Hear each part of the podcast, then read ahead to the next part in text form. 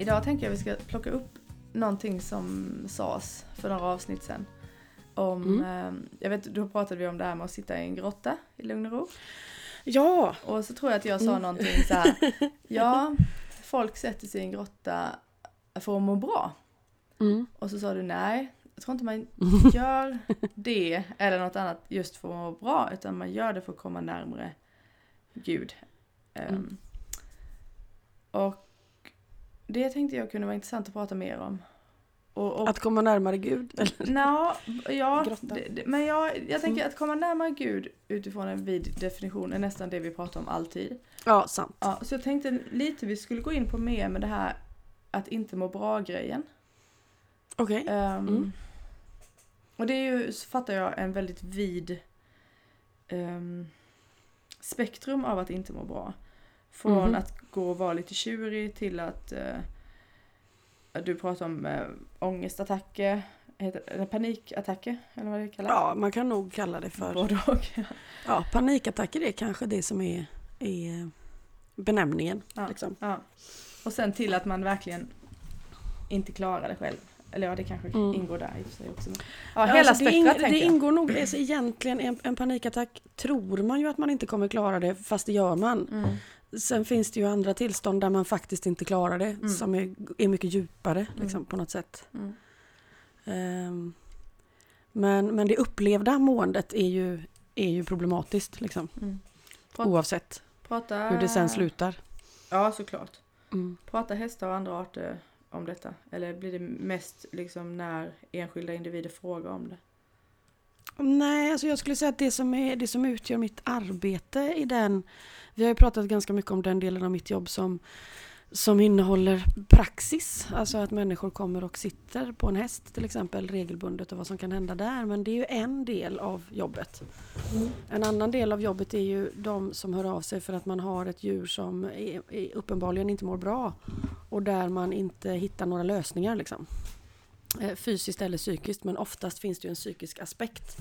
Därför att innan man har eh, sökt upp mig så har man oftast prövat allt annat.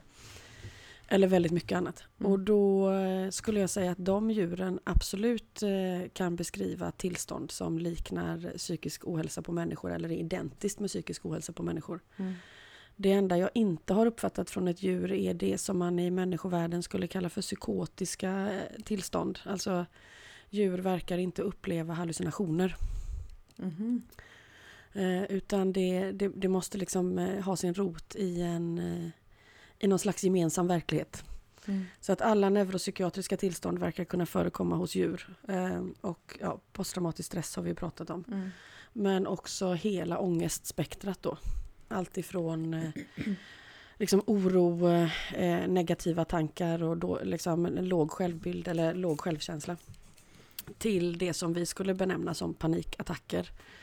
Eh, och att det också går att eh, uppfatta skillnaden mellan vad som är en, en flashback under en, eh, i, i ett tillstånd av posttraumatisk stress eller vad som är en panikångest Mm. som ju kan vara en följd av posttraumatisk stress men, men behöver inte vara det utan är ju ett eget man kan ju ha ångest utan att ha posttraumatisk stress. Mm.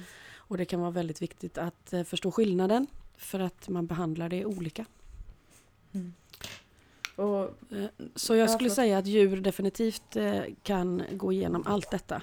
Och att det inte heller alltid går att säga att det här händer för att ägaren eh, är på ett visst sätt. Utan att det som tama djur utsätts för är så svårt för organismen att hantera. Det ligger så långt ifrån vad man naturligt är liksom skapt för att hantera. Att man kan utveckla alla de här tillstånden. Depression, självhat så långt som till att man inte vill leva längre mm. eh, är ju också ovanligt att djur uttrycker. Eh, Det vi skulle säga är att man är självmordsbenägen då. Eh, Det skulle jag säga är väldigt ovanligt men tyvärr inte... Ja, det förekommer. Mm. Att man inte ser någon väg ut och då blir dö- tanken på döden en väg ut. Men det här, eh, förstår jag det rätt nu om du säger att ändå, menar du att all psykisk ohälsa hos tamdjur är kopplad just till liv i fångenskap då? I olika grad? Ja, ja, ja alltså till väldigt stor del får man Mm. nog ändå säga att det är det. Mm. Det är liksom Därför att systemet. Det är, ja, därför att det naturliga liksom, skyddsnätet mot att falla rakt igenom är ju i alla fall, har ju väldigt stora hål. Mm. Mm. Det är ju lite som för, för oss människor som lever i ett modernt samhälle. Du får ju, ha rätt, du får ju vara rätt bra rustad ändå. Mm. För, för att klara det som förväntas vara normalt. Liksom. Skolgång, heltidsjobb, eh, fungerande relationer, fostra barn, städa huset, göra saker i tid. Alltså, eh, alla löser ju inte det. Nej. Liksom. Nej. Eh, och så, så är det ju för djur också. Alla löser inte det som är, är självklart för någon annan. Det som är systemet just nu, om man säger. Mm.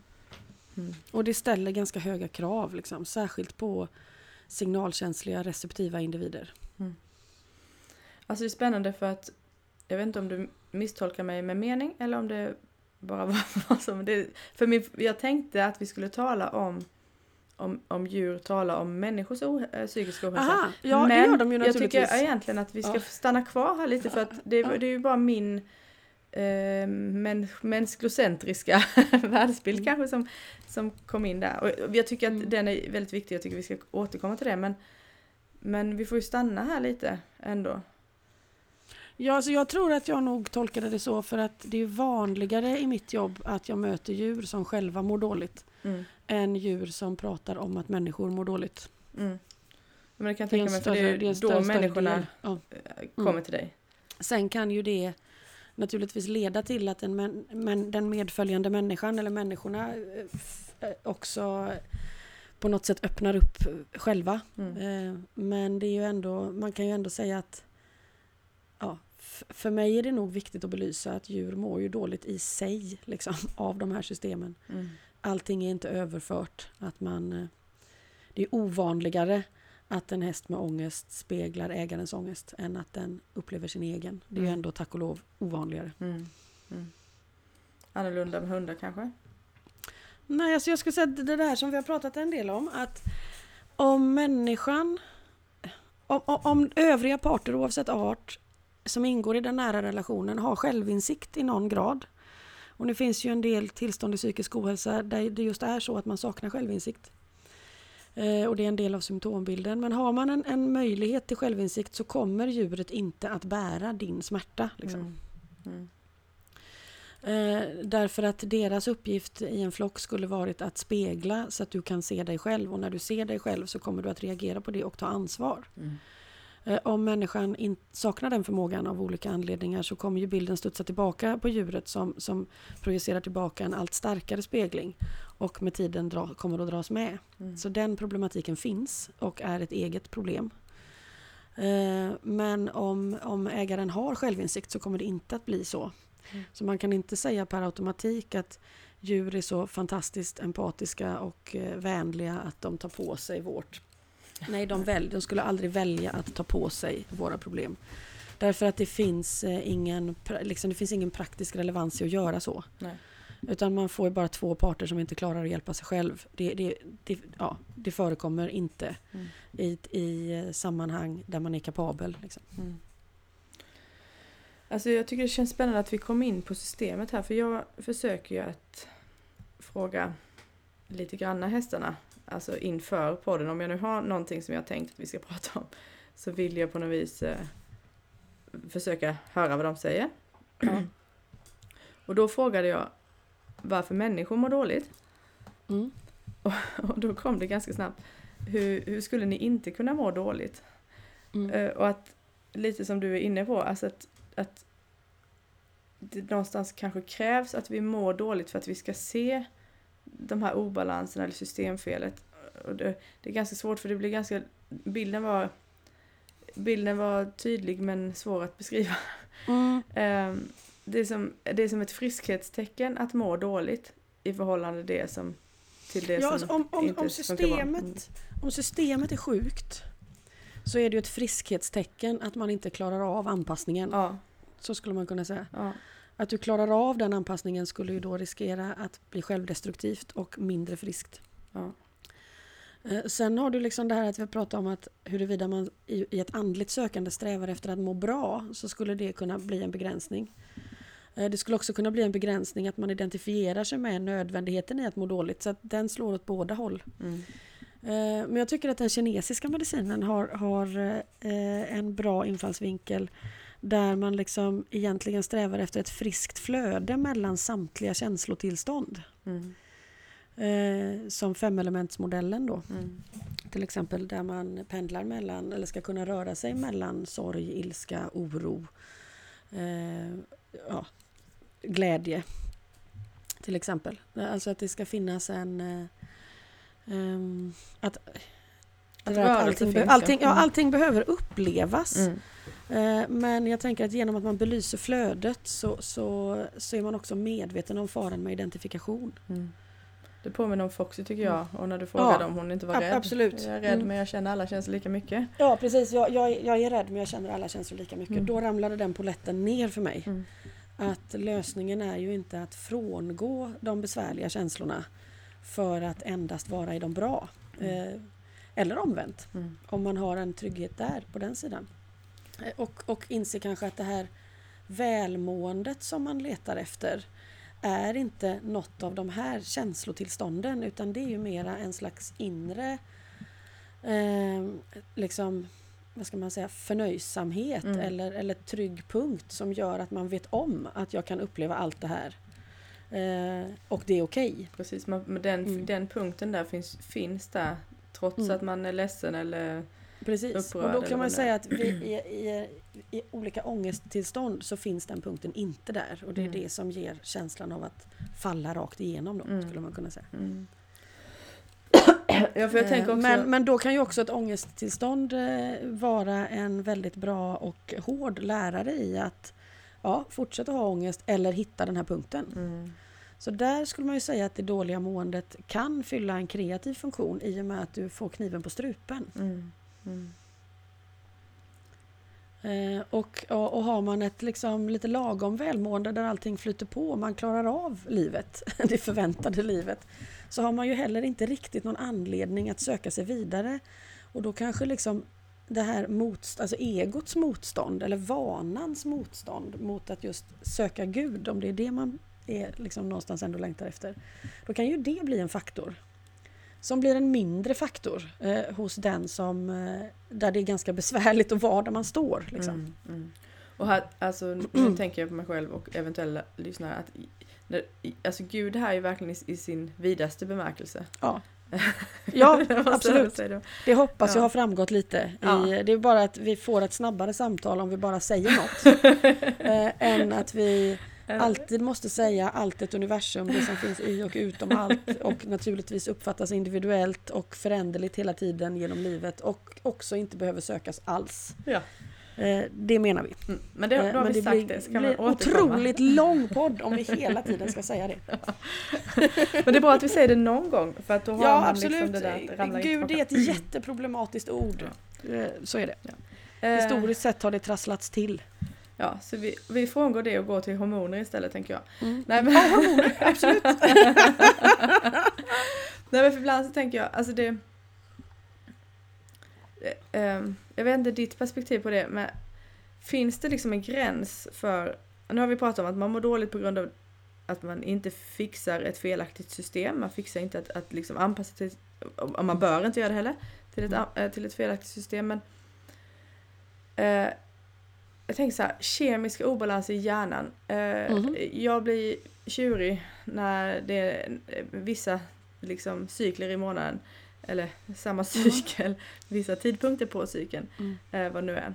Och, eh, alltså, där är ju, jag fattar ju nu när jag säger det i alla fall när man tänker på hormonerna att det är ju en väldigt tydlig ehm, tydligt exempel på det där man ändå kan känna kärnan av förnöjsamhet. Förhoppningsvis. Mm. Men sen så då, det måste ju finnas andra tillstånd A- än absolut. ångesten där man trillar utanför helt Absolut. och hållet liksom. Det definitivt. Eh, Jag tänker att, att jag nämner ångest är såklart för att mycket av min erfarenhet utspelar sig där. Jag har mindre känning av hormoner. Du har upplevelse där. Liksom. Men, men jag tänker att det ena inte utesluter det andra. Alltså jag tänker att man ofta pratar om att eh, är det, är det mentala orsaken eller är det fysisk, är det, en- är det en biologisk orsak? Jag tänker att de, de utesluter inte varandra och det kan vara väldigt svårt att veta vem som började av dem. Mm. Eh, I kinesisk medicin skiljer man inte på dem, alltså man ger dem inte ett, ett större värde. Alltså att man ska säga att, att det psykiska går djupare. Eller, alltså det här, där kan det lika gärna vara att en fysisk obalans skapar ett psyk, eh, alltså, eh, en psykisk ohälsa, Mm. som omvänt. Mm. Man har inte alls... Eh, femelementsmodellen rör sig ju som liksom, jonglerande bollar utan mönster i ett rum. Liksom. Mm. Det finns inte egentligen upp eller ner eller mer eller mindre värt. Eh, och Mio var också inne på det. Att eh, en spänning i ryggraden kan begränsa din tankeförmåga. Precis som att en begränsad tankeförmåga kan skapa en spänning i ryggraden. Mm. Var någonstans på den här cykeln är det mest effektivt eller lämpligt i stunden att bryta? Liksom? Eh, är det att balansera upp det hormonella så att du får en chans att tänka klart? Eller är det att hitta en annan tankebana som, som blir större än den hormonella påverkan? Man, man kan inte säga att det ena eller andra skulle vara mer rätt eller fel eller mer eller mindre värt. Liksom. Om man ser det ur det perspektivet. Mm. Så självklart så skulle det kunna finnas en rent, eh, jag tänker alla också neuropsykiatriska tillstånd som inte är viljestyrda. Alltså det är lätt att tänka att alla beteendestörningar som vi uppfattar hos djur är viljestyrda. Han kan om han vill. Eh, om vi bara tränar honom rätt så löser han det. Nej, det, det gör han inte. Nej. Eh, alltid. Därför att det kan hända att det ligger en ADHD i botten och då kan du inte styra impulsen hur gärna du än vill. Liksom. De djuren beskriver det på ett annat sätt än de djuren som har svårt att styra sina impulser på grund av stress eller dåligt självförtroende. Då. Mm. Så, så det finns alla och det är otroligt viktigt att gradera mellan de här om man studsar tillbaka till mitt jobb. För att hur, hur man väljer att bemöta det blir väldigt olika. Huruvida individen då har en möjlighet till viljestyrning eller inte har det. Ja, just det, det, det är där du menar gradera. Mm. Mm. Ja, det det är viktigt att kunna se den skiljelinjen. Mm. Är, uppstår den här stressen för att det finns en förtroendekris mellan människan och djuret? Eller uppstår den för att individen är signalkänslig och inte kan styra sina reflexer? Det är, det är en jätteviktig skillnad. Mm. Alltså med barn så säger man ju mycket att, eller det är väl han eh, Halescoe kanske som säger oh, no, det, det är en sån här bra one-liner som nu, precis när jag skulle säga den flög iväg. Men det, det är någonting sånt där. Ja, precis. Ehm, om, om barnet kan göra det så gör det det. Man, Mm. man vill göra rätt om man kan typ. eh, Mm. Fast en, lite klatschigare då. Eh, Ja. Men något sånt där. Jo, så, så är det ju för djur också. Eh, den här inneboende illviljan att idag ska jag jävlas med flocken. Så tänker ju inte ens en provokatör. Alltså en Nej. provokatör vars uppgift är att rasera handlar ju fortfarande om att öka kre- kreativiteten i helheten i rummet Mm. över tid. Liksom. Mm. Men samtidigt så kan man ju säga att det här det där skulle kunna misstolkas som att jo men hästen kommer att svänga vänster om du bara ger alla hjälperna rätt. Eh, för att den vill göra som du säger innerst inne, men det kanske den inte vill. Det kanske Ja, inte nej, är detsamma. Liksom. nej, nej. Och jag tänker också att man Mm. verkligen får skilja mellan djur och barn Mm. för att barn eh, är i en alltså, utveckling. Mhm. Eh, alltså väx, Ja. växande utveckling. Men djur eh, kan också vara det såklart, men kan också vara i en Mm. ålder när de är vuxna Mhm. i den bemärkelsen. Eh, absolut. Också viktig, också viktig del. Mm. Nej, så det är klart att, att ett mående skulle kunna vara direkt kopplat till ett fysiskt tillstånd, absolut. Och att, att bryta det tillståndet eh, mycket väl skulle kunna vara relevant i stunden att eh, tillföra en kemikalie som tar över organismens brist på handlingsförmåga. Liksom. Man kan inte säga att det per definition alltid skulle vara fel att göra för att det inte skulle leda till en fördjupad läkning. Det kanske är det som Mm. krävs för att energin ska frisättas Mm. Sen kanske man måste gå vidare till en fördjupad läkning. Det kanske inte finns en långsiktighet i att ständigt tillföra det man inte klarar själv. Men i vissa, i vissa lägen måste man göra det. Mm. Och då är det otroligt tacksamt om det går. Mm. Så det gäller ju att inte ha någon slags eh, prestige i, eh, i läkningen. Liksom. Mm. Jag tänker ur ett kraniosakralt perspektiv. Mm. Om jag nu, ja. Då, då är det lite samma som du är inne på det. att Då vet man ju inte var det börjar nödvändigtvis. Nej. Men när man lägger händerna på och systemet själv liksom får börja nysta där det har Mm. kapacitet och resurser att göra det. Mm. Alltså det, det är ju någonting väldigt befriande med den eh, formen av terapi. Att, Mm, ja, jag som terapeut vet inte jag, behöver inte veta. Mm. Jag kan bara lita på eh, självläkningen liksom. Och understödja den eller vara katalysator eller vad man nu vill hur, vilka ord man nu vill använda. Men, Mm. men det behöver inte ens nödvändigtvis komma till en, alltså en förståelse för, för det hela behöver egentligen inte ens någonsin eh, dyka upp i processen. Nej, eh, alltså jag, jag brukar tänka att om förståelsen är nödvändig eller relevant i läkeprocessen eller i sammanhanget så kommer den. Mm. Eh, om den inte är det eller till och med skulle kunna riskera att lägga sig i vägen för att det ger dig en möjlighet att, att inte uppleva känslan och istället, aha är det så det är, men då släpper jag det. Mm, mm, mm. Eh, då kommer den inte. Så det är inte så att förståelsen är en nödvändig del av en läkeprocess. Det kan vara det, men det kan lika gärna vara tvärtom. Mm. Mm. Och, och jag tänker, skulle man riktigt hårdra det så kommer vi ju aldrig veta vad som var hönan och ägg. Exakt. Eh, oavsett, utan vi kan ju bara ta till oss den bilden som uppstår eh, där vi befinner oss Mm. och göra, försöka göra vad, ja, vad som känns relevant med den. Mm.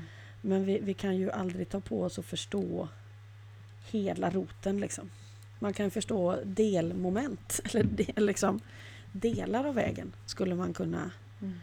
Liksom, på något sätt fördjupa sig eller kunna förankra medvetet och det skulle kunna vara relevant. Men helheten tror jag vi får ha en ödmjuk respekt för att den, ja, den kan bara komma som en slags ordlös upplevelse möjligtvis. Mm. Du brukar ibland också prata om att det, det liksom finns genetiska minnen. Mm. Det verkar vara en stor del av, av djurs historier och nu har det även dykt upp eh, faktiskt ganska nyss eh, med ett, ett djur, en, ett djur en, en människa som får hjälp av djur här hemma där det visade sig handla om ett genetiskt minne. Mm. Mm. Så eh, det är ju alla de här trådarna liksom. Var är den liksom största knuten? Om man tänker sig det här flödet i kinesisk medicin av qi, av vitalkraft. Jag tänker att en bra bild av det, inte alls kanske korrekt, men en bra bild för mig är att tänka sig det som vatten. Liksom. Mhm. Och var någonstans eh, är det ett brott på linjen? Och var är liksom det brottet som jag måste lösa upp innan jag kan lösa upp de andra? Liksom. Vilken nyckel behöver sättas i låset först? Mm. Eh, och då kan ju det ligga på vilket plan som helst. Liksom. Akut, fysiskt, eh, genetiskt, själsligt, reinkarnationsmässigt om man har den begreppsvärlden till exempel. Mm. Var, var någonstans, eh, vilken knut behöver jag liksom undersöka först? Mm. Sen om jag kommer att förstå den eller inte, är inte det man menar med det. Nej, nej. Det är jag med på.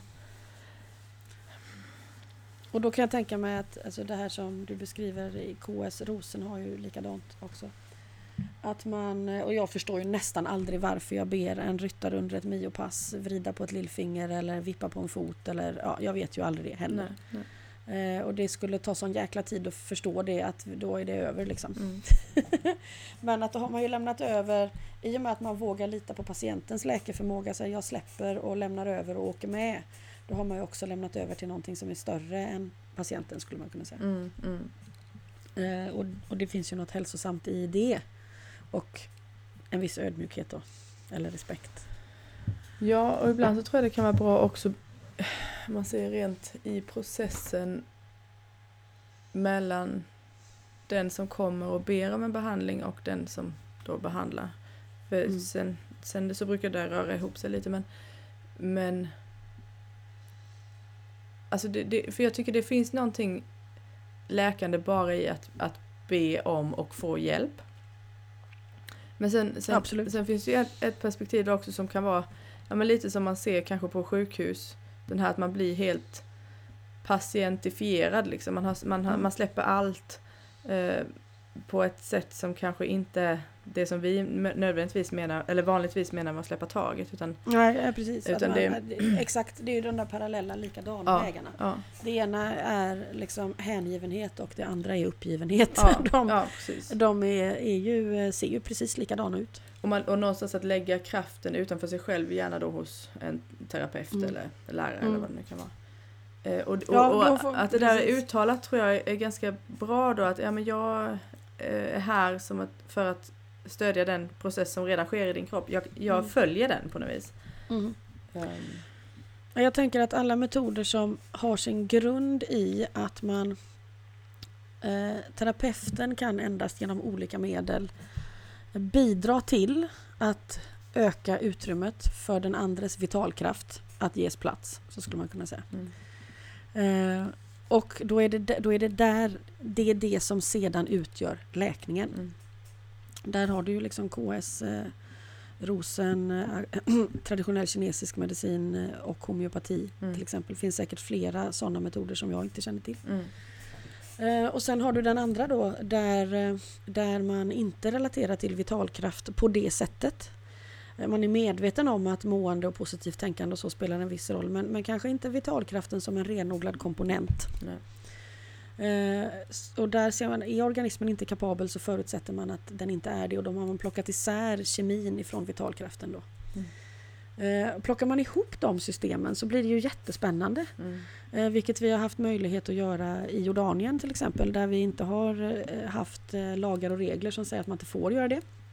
Och det har funnits en andlig öppenhet och brist på prestige hos de inblandade så att liksom veterinärer, eh, imamer och eh, alternativa terapeuter som jag då har kunnat jobba tillsammans. Mm. Eller inte just kanske en, men eh, en, jag tänker han den sufiska mannen jag tänker på var inte en imam men hade den rollen Mm. Mm. som en präst skulle haft eller representera det, bönen. Liksom.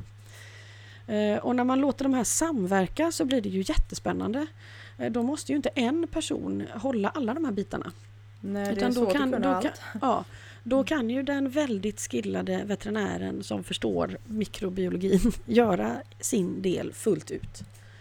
Eh, och jag kan göra min del fullt ut. Och eh, den andliga personen som också förstår kulturen där hästarna befinner sig kan göra sin del fullt Mm. ut. Mm. Eh, då börjar det bli intressant. Mm. Ja, När man inte ut, börjar att tänka att den ena utesluter den andra. Liksom. Ja, hel, helhetsbilden är inte fel. Och förhoppningsvis så kommer vi väl dit någon gång men liksom pengar och prestige, eh, Mm. ja, de, de, de vanliga komponenterna där man, eh, där man placerar en grupp människor. Eh, behöver ju, ja det får ju spela ut sin roll först då. Mm.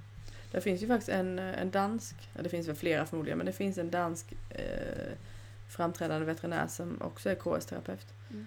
Ehm, det hade varit jag tycker bara, bara det här som du beskriver med det, det liksom nära samarbetet där man, kan, Mm. där man kan tala fritt om det man gör. Um, hade varit väldigt spännande att vara i ett sånt sammanhang helt enkelt. Ja, och jag tycker nästan att det är ännu mer intressant än, alltså som du säger att man kan naturligtvis själv bli bra på mer än ett område. Och och det har ju ett jättestort värde såklart. Men just eh, det finns också något speciellt i att man, eh, att- man kan få nischa in sig totalt Mm. och möta andra som har gjort det inom sitt område. Eh, och så blir det inte någon konkurrenssituation kring det. Nej, precis. Eh, det är ju nästan ännu mer spännande tycker jag. Mm. Mm. För då kommer man ju längre ut på alla trådarna på något sätt. Mm. Och de behöver inte förklaras i förhållande till varandra då. Nej, Så, precis. mm. precis.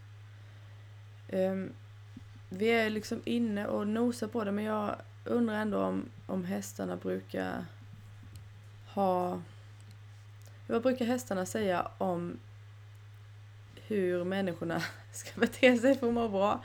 De, må bra i en större bemärkelse då. Eller ja, hur man ska säga.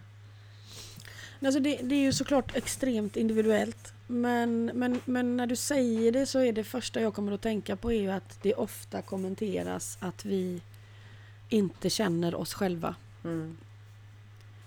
Eh, och ja. Då kan det ju dels vara så att man inte hittar de här inre resurserna som skulle kunna hjälpa en för att man känner inte till dem. Men det kan ju också vara så att, att det faktum att man är så pass långt ifrån sin egen essens, liksom, eller vem man innerst inne är, i sig gör att man mår dåligt. Ehm, men det är ju den, den första, liksom. Ni känner inte er själva. Mm. Och jag tänker att det gör vi nog eh, inte så mycket, både var, ja, vare sig individuellt eller som art. Men det där, jag, jag avbryter det där så får du försöka komma ihåg vad, Mm. vad nästa var för att där, Ja, jag, kommer, jag hade inget nästa. Nej okej, då behöver inte komma ihåg något heller. Det var. Nej för det, det där kan jag också uppleva bland människor att äh, vetskapen om att de, eller idén om att någon annan säger, eller idén om att inte känna sig själv. Um, någonstans skapa ännu mer problem. Alltså då, Mm. då blir man så här, jaha, vad, ehm, hur, hur gör jag det då och gör jag, alltså det är som att man inte hittar någonting då plötsligt. Allting Mm. rämnar. Mm. Vilket kan ju vara Ja. bra å ena sidan nu när jag säger det men Ja, men det är en hård väg. Den kan också gå väldigt dåligt den vägen. ja, Det är ju inte säkert att dåligt mående leder till någon insikt. Nej, nej för då är vi tillbaka på att det Ja. har ett självsyfte eller Ja, egensyfte ja. liksom. Det är inte, det är inget, det är inte ett säkert kort Nej. liksom, på något sätt. Det är Nej. det ju inte. Ehm, nej, men, nej, men jag tänker att det finns så många aspekter av det där. Uh, dels har du ju det här att man för att känna sig själv så måste man eh, prövas till det yttersta. Man tittar på hur flock, om man tänker på vem är eh, figuren Emily? Liksom? Vad är Mm. hon gjord av? Eh, och var, v- vad har hon för, möjlig, alltså för möjlighet eller vart kan hon vara i den här världen? Liksom? Vart sätter jag den här lilla legogubben någonstans? Mm. Eh, då behöver man prövas till det yttersta.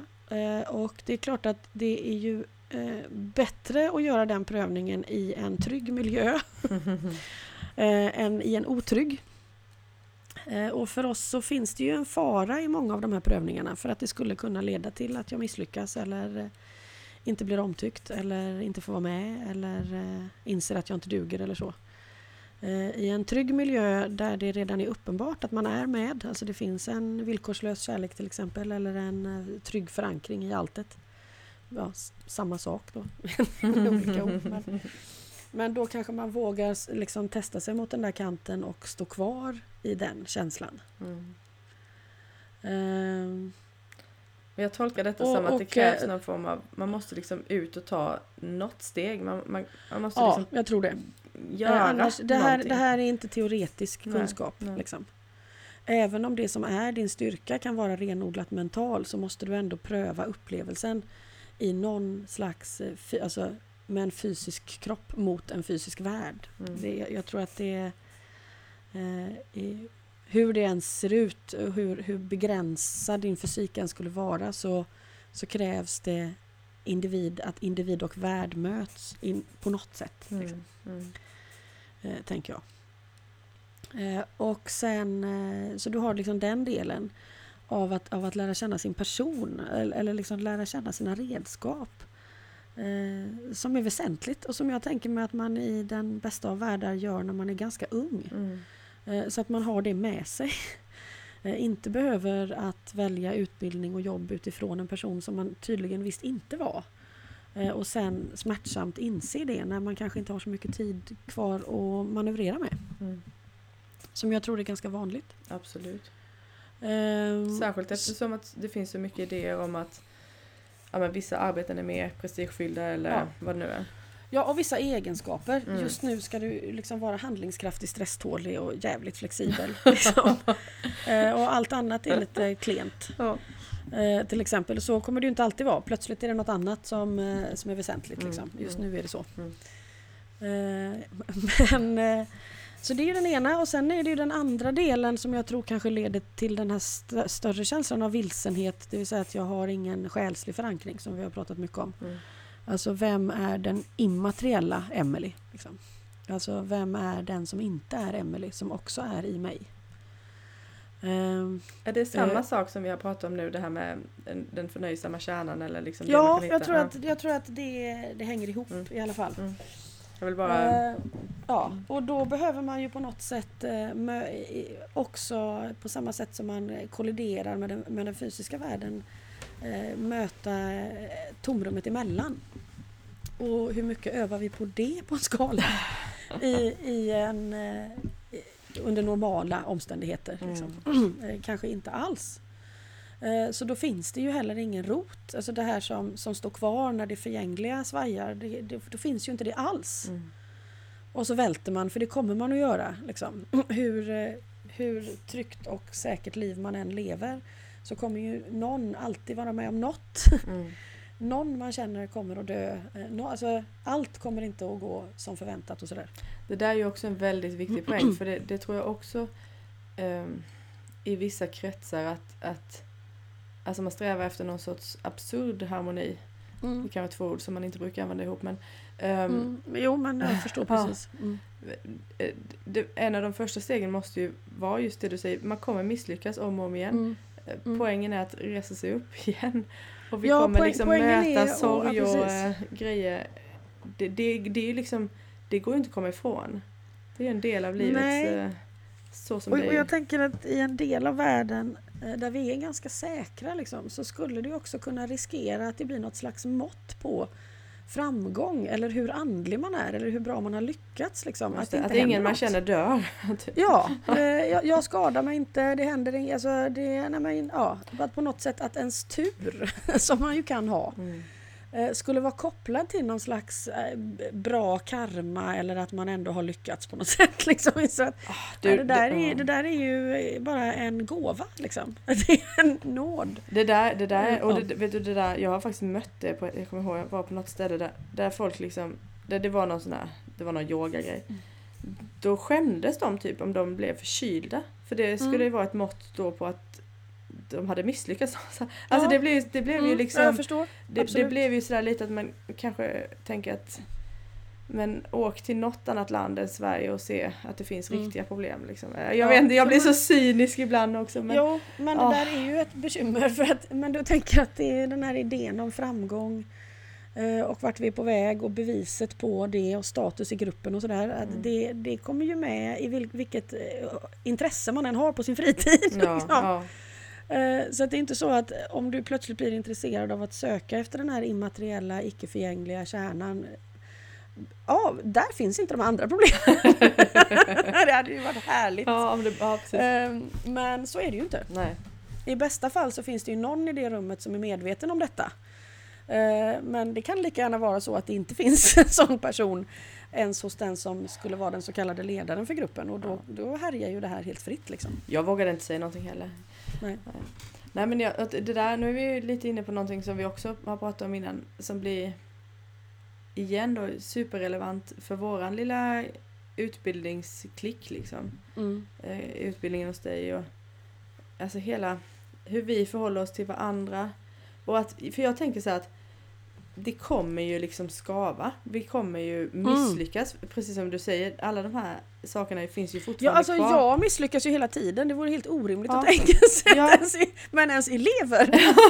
Nej, de behöver inte göra det. Så du, de bara Men det som, på. det som jag skulle se Ja. som ett lyck, lyckosam grej i det där skulle ju vara att, att vi vågar gå in i de Mm. grejerna. För att om vi inte, alltså annars blir det ju bara fernissa. Vi måste ju liksom in i det där eh, Och där jobbiga. krävs ju en trygghet i gruppen då. Ja, Eh, och den eh, tänker jag behöver tid. mm, Eh, såklart. Därför att man behöver också misslyckas. Någon måste våga det där när det inte är tryggt i rummet. Mm. för att lägga den första stenen till att dela den här sårbarheten och så kanske någon annan gör det. Mm. Och, så, eh, och så blir någon provocerad och så flyger man på varandra och så får man låta det hända och så överlever man det. Mm. Och så, händer, och så vågar någon vara sårbar igen. Mm. Ehm, och det... Jag, jag- ja, jag tänker att det spelar ju jättestor roll eh, att det finns en... eh, här är det ju hästarna som utgör den kärnan av villkorslös kärlek då Mm. som, som gör rummet möjligt. Liksom. Mm. Men sen ska ju vi människor in där och då händer ju allt detta ändå. Alltså vi kan ju inte bara leva på att de har den förmågan att hålla det rummet utan vi måste ju Idén är ju att vi själva eh, som människor kan klara det här i förhållande till andra människor. Det är ju det som liksom eh, planeten, fortlevnaden eh, Hänger på liksom- lite grann. ja, hänger Mm, på. Mm. eh, och då måste man öva. Mm. Och det kommer ibland att skita sig totalt. Mm. Frågan är då, Är man kvar Eh, då? Eh, är man Mm. kvar då? Mm. Eller är tillräckligt många kvar Ja. i alla fall? Ja. Eh, För att det ska kunna fortsätta en, fördjupas en process liksom. Mm. Nej, det känns som jag har tagit oss på ett eh, sidospår som kom väldigt långt bort nu. Vi var någonstans. Jo men den första frågan här var ju lite hur... ah, eller inte första frågan. En av frågorna var... Alltså jag tycker det här är ett spännande sidospår. Jag har inget emot om vi har spårat ur. Men... Nej det tycker jag också men äh, vi, ska vi fortsätta på det? Så jag kan nog ta, ta oss tillbaka Ja, tids kan nog liksom. Jag, jag, jag eh, överlämnar mig eh, i... Ja. Den här strukturen är så härligt inte min. Så gör vad du vill. Eh, det, nej, för jag har ju nog inget mer här just nu. Det, det, liksom, det var mer en så här, Ibland så kommer, lyser det en åsikt igenom och i mitt fall Mm. är det vi måste bråka mer och bli sams igen. Mm. Ehm, vad är vi då på? Jo, vi var på det här hur man mår bra. Mm. Eller hästarnas idé om hur människor mår bra. Och då var det första som dök upp var det här med eh, att vi inte känner oss själva och sen pratade Ja. vi om eh, att det kan vara ångestskapande. Och sen, sen var ju, sen, sen släpper vi dig fri igen då. Ja, nej, men jag tänker det här med att, att lära känna den yttre personen och den inre kärnan då, Mm. alltså det immateriella och det materiella. Mm. Då har man ju redskapen på något sätt. Och det, precis som vi sa där innan och du nämnde där också med yogan och det här.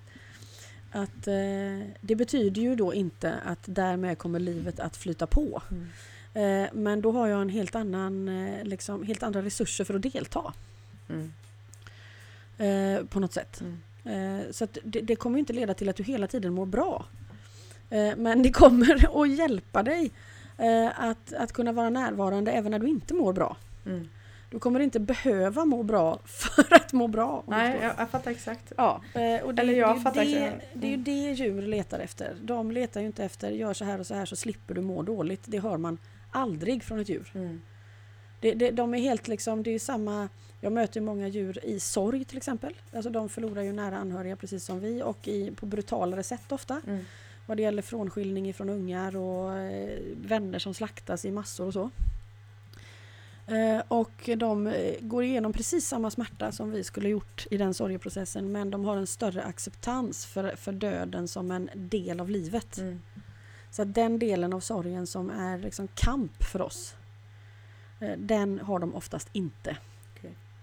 Eh, utan, utan det liksom finns en... eh, eh, Det, det är lättare att överlämna sig liksom, i den... Ja, det finns ett flöde liksom, Mm. om man litar på det. Mm. Sen är sorgen, smärtan, saknaden, allt det där är lika intensivt. Mm.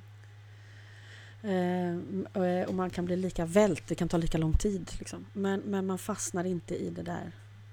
Så här borde det inte vara. Liksom. Alltså att, Mm. Nej, jag förstår. Jag förstår. eh, inte processerna fram till, men döden som princip. Mm. Mm. Så att de, de väntar sig inte ett liv utan, utan hinder och utan död. Liksom. Nej. Och Det- skulle därför inte se det som att det, det, det finns ingen relevans alls i att göra det till ett mål. Nej, precis. Nu är vi lite inne på skillnaden mellan smärta och lidande, tänker jag. Mm. Ja, Det är smärtsamt att vara ledsen, men det är inget, inte lidande.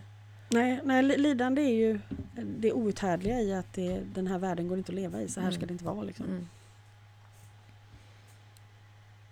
Mm. Och när man hamnar i det då? Ja du.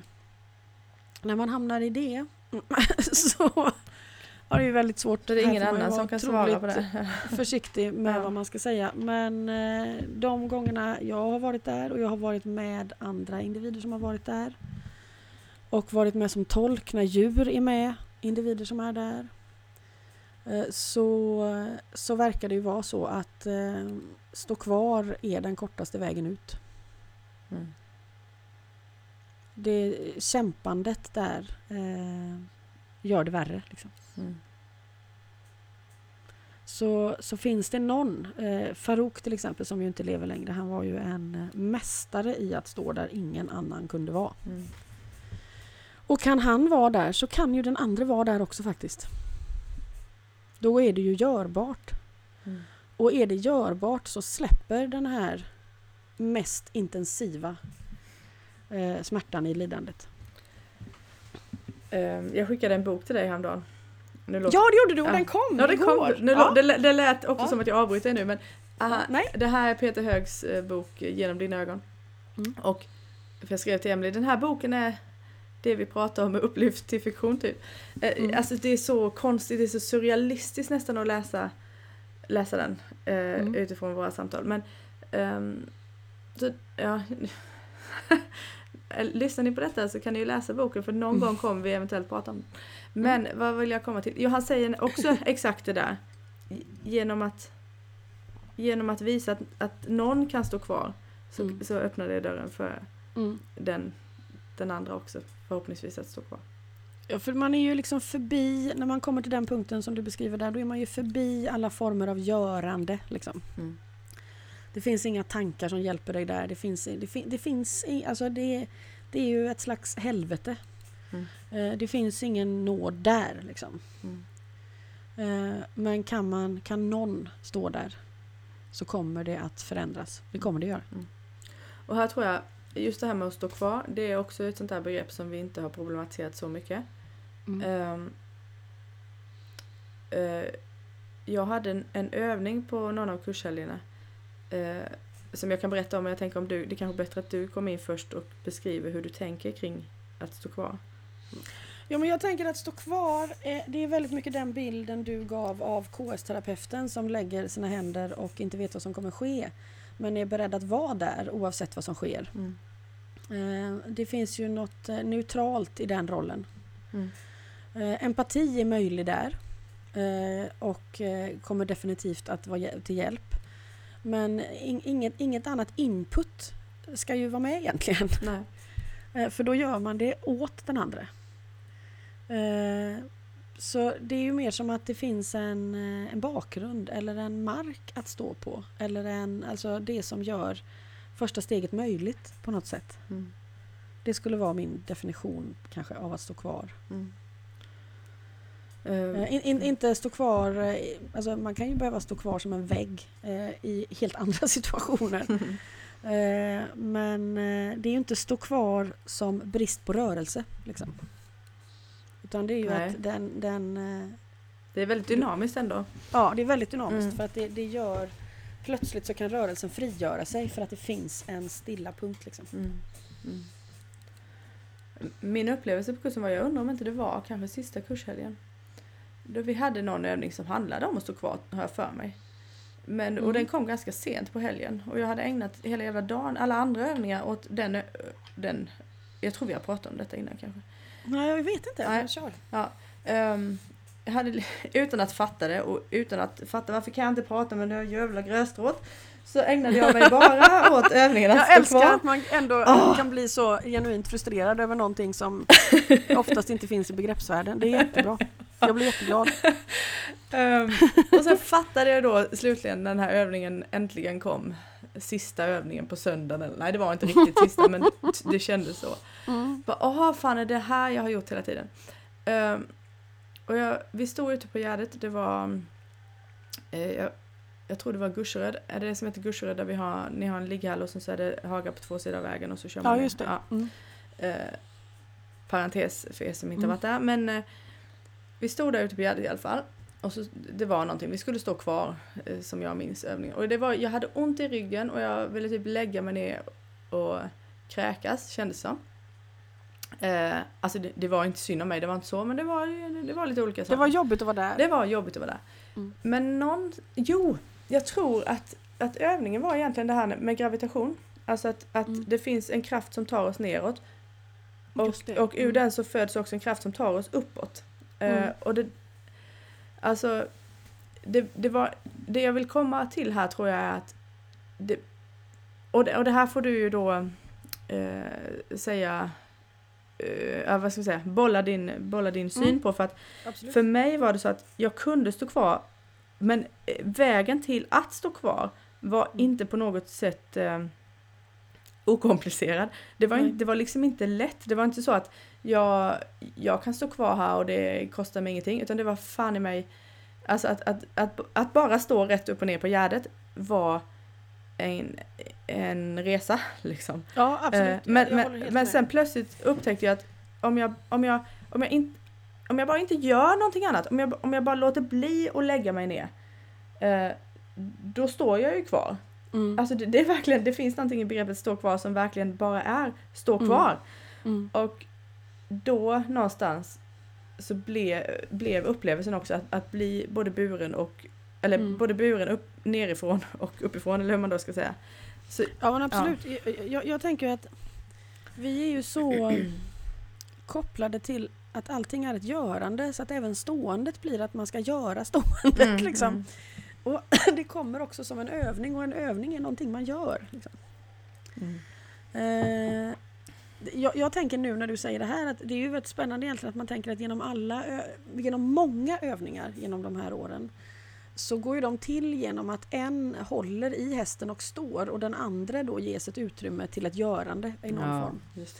Eh, Så det är ju rimligt att man i 50% av fallen övar på ståendet Mm. och i resten av fallen övar på en massa andra olika saker. Och Alltså, vi har inte kan- ens fattat det, vi tror bara att vi ska hålla hästen så den Ja. andra... Ja. Ja, ja precis. Eh, Och det tror jag är bra att man inte fattar för Mm. att då, då blir det ett görande igen. Mm. Mm. Eh, Så jag, jag tror att mycket av, av problematiken ligger där. Att hur kan man liksom verkligen aktivt göra någonting som inte leder någon vart? Därför att det är bara då ett skeende kan uppstå men du kan inte göra det av den anledningen. Mm. För då är det fortfarande ett görande. Mm. Eh, Och där är väl taoismen en bra källa till inspiration i alla fall. Eftersom man verkar vara uttalat medveten om det där. Mm. The power of non-doing. Eh, där har ju någon i alla fall övat och satt det här i någon slags text. Mm. Eh, men som du säger att för att sen behöver man ju ändå öva och öva och eh, misslyckas eh, och ibland lyckas. Båda sakerna är egentligen lika krångliga har vi förstått. Mm. För att sen någonstans bort, bortanför att lyckas och misslyckas så, så kommer det en insikt. Mm. Eh, som ju är nåd. Liksom. Mm. Mm.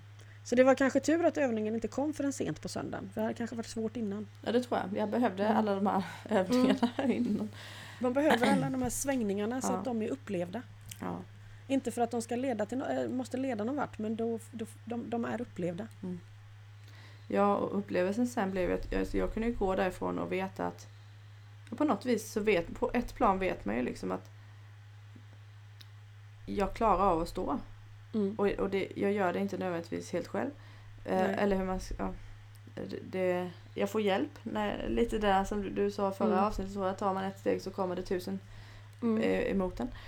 Ehm, det var inte så dumt. Nej, eller hur? Eller hur? Och sen tänker jag också, jag tänkte på det med eh, den här eh, liksom barn och ungdomsgruppen. Att de får ju också hålla hästar för varandra. Mm. Vi ska bara berätta att ni har en liten barn och ungdomsgrupp som Ja. har startat för något tag sedan. Ja, som vi i så här pandemiprövar. en så här försiktig mjukstart på det ämnet. Eh, och då tänkte jag så här, ska de hålla hästar? För, ja, det var noga liksom. Mhm. Eh, och sen tänker jag att jo, men det är ju också att man eh, betjänar den andra till att alltså, du ger den andra ett utrymme till sin upplevelse. Mm. Och det måste med, det måste med från början liksom. Mm. Det kan inte vara att du bara får möjlighet till din upplevelse. Mm. Utan du måste också vara den parten för någon annan. Alltså man måste växla det hela tiden annars blir det inte bra. Och det där är lite spännande. Mm. Jag har alltid tänkt ja, här hemma. Eh, hästarna verkar ju vilja det ena och det andra att människor ska Mm. komma hit. Men jag vet inte, jag har varit så eh, liksom fast i deras frihet att jag helst inte vill att någon ska hålla i dem. Mm. Men då har jag, aldrig, jag har aldrig tänkt på den aspekten som du talar om nu. Nej, inte jag heller. Eh, utan jag tänker på den nu. Ja, men det, är Alltså, så, det, jag- det är skönt med podden av den anledningen. Eh, så, så det är ju... Eh, eh, ja. Jag förstår mer och mer att det är... Menar, I min värld var det ju bra att någon stod och höll för jag tänker då det är ju, det är ju ett säkrare rum för Mm. den som då ska sitta och blunda till exempel och det är ju sant. Mm. Men att det också är väldigt relevant för den som står Mm. eh, missade jag ju av samma anledning. Det vill säga att man fastnar i bilden av det som ska uppnås och göras. Liksom. Mm. Mm. Mm. Eh, det, det finns någonting i detta också som, som, som kopplar tillbaka till det här med eh, att vi inte känner oss själva. Mm. Och jag vet när den frågan har varit, varit aktuell, vi var inne på det nu också, att man måste liksom ut och pröva sig mot verkligheten. Mm. Jag tror att ibland så kanske man... En hjälp kan vara att släppa frågan och sen så står man och håller rum för den andra. Alltså Mm. det är som, någonstans Mm. i det att, att, att släppa fokuset på sig själv finner man sig själv på något Mm. eh, Ja, plan. eller hur? det där blir jätteviktigt för att skulle liksom hela övningen vara att du skådar inåt i dig själv så ja, risken för en förstärkt identifikation Ja. är ju massiv liksom. Ja. Så kommer det ju vara. Mm. Och där är det ju bra dels att man är många människor tror jag då i, den, i det rummet. I alla fall tillräckligt många för att det ska vara svårare att fastna. Ja, jag tror det, det skapar en väldig buffert också för Mm. alla möjliga dit. Mm.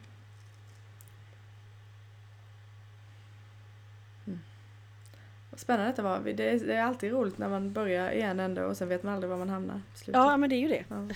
det är ju det som är det mest eh, spännande. ja verkligen. Att man, eh, ja. man måste ju börja i någon ände för att det ska bli en tråd. Ja, det måste vara. Men sen är det bara att hålla i hatten. Ja. ja, det är häftigt att få vara med. Ja det är det. Ja. Mm. Nu ska nu kalla hästarna där ute känner jag. Ja, nej, men det blev väl ett naturligt tomrum här tror jag. Mm. Så det är väl bra. Mm. Yes. Tack för idag. Tack!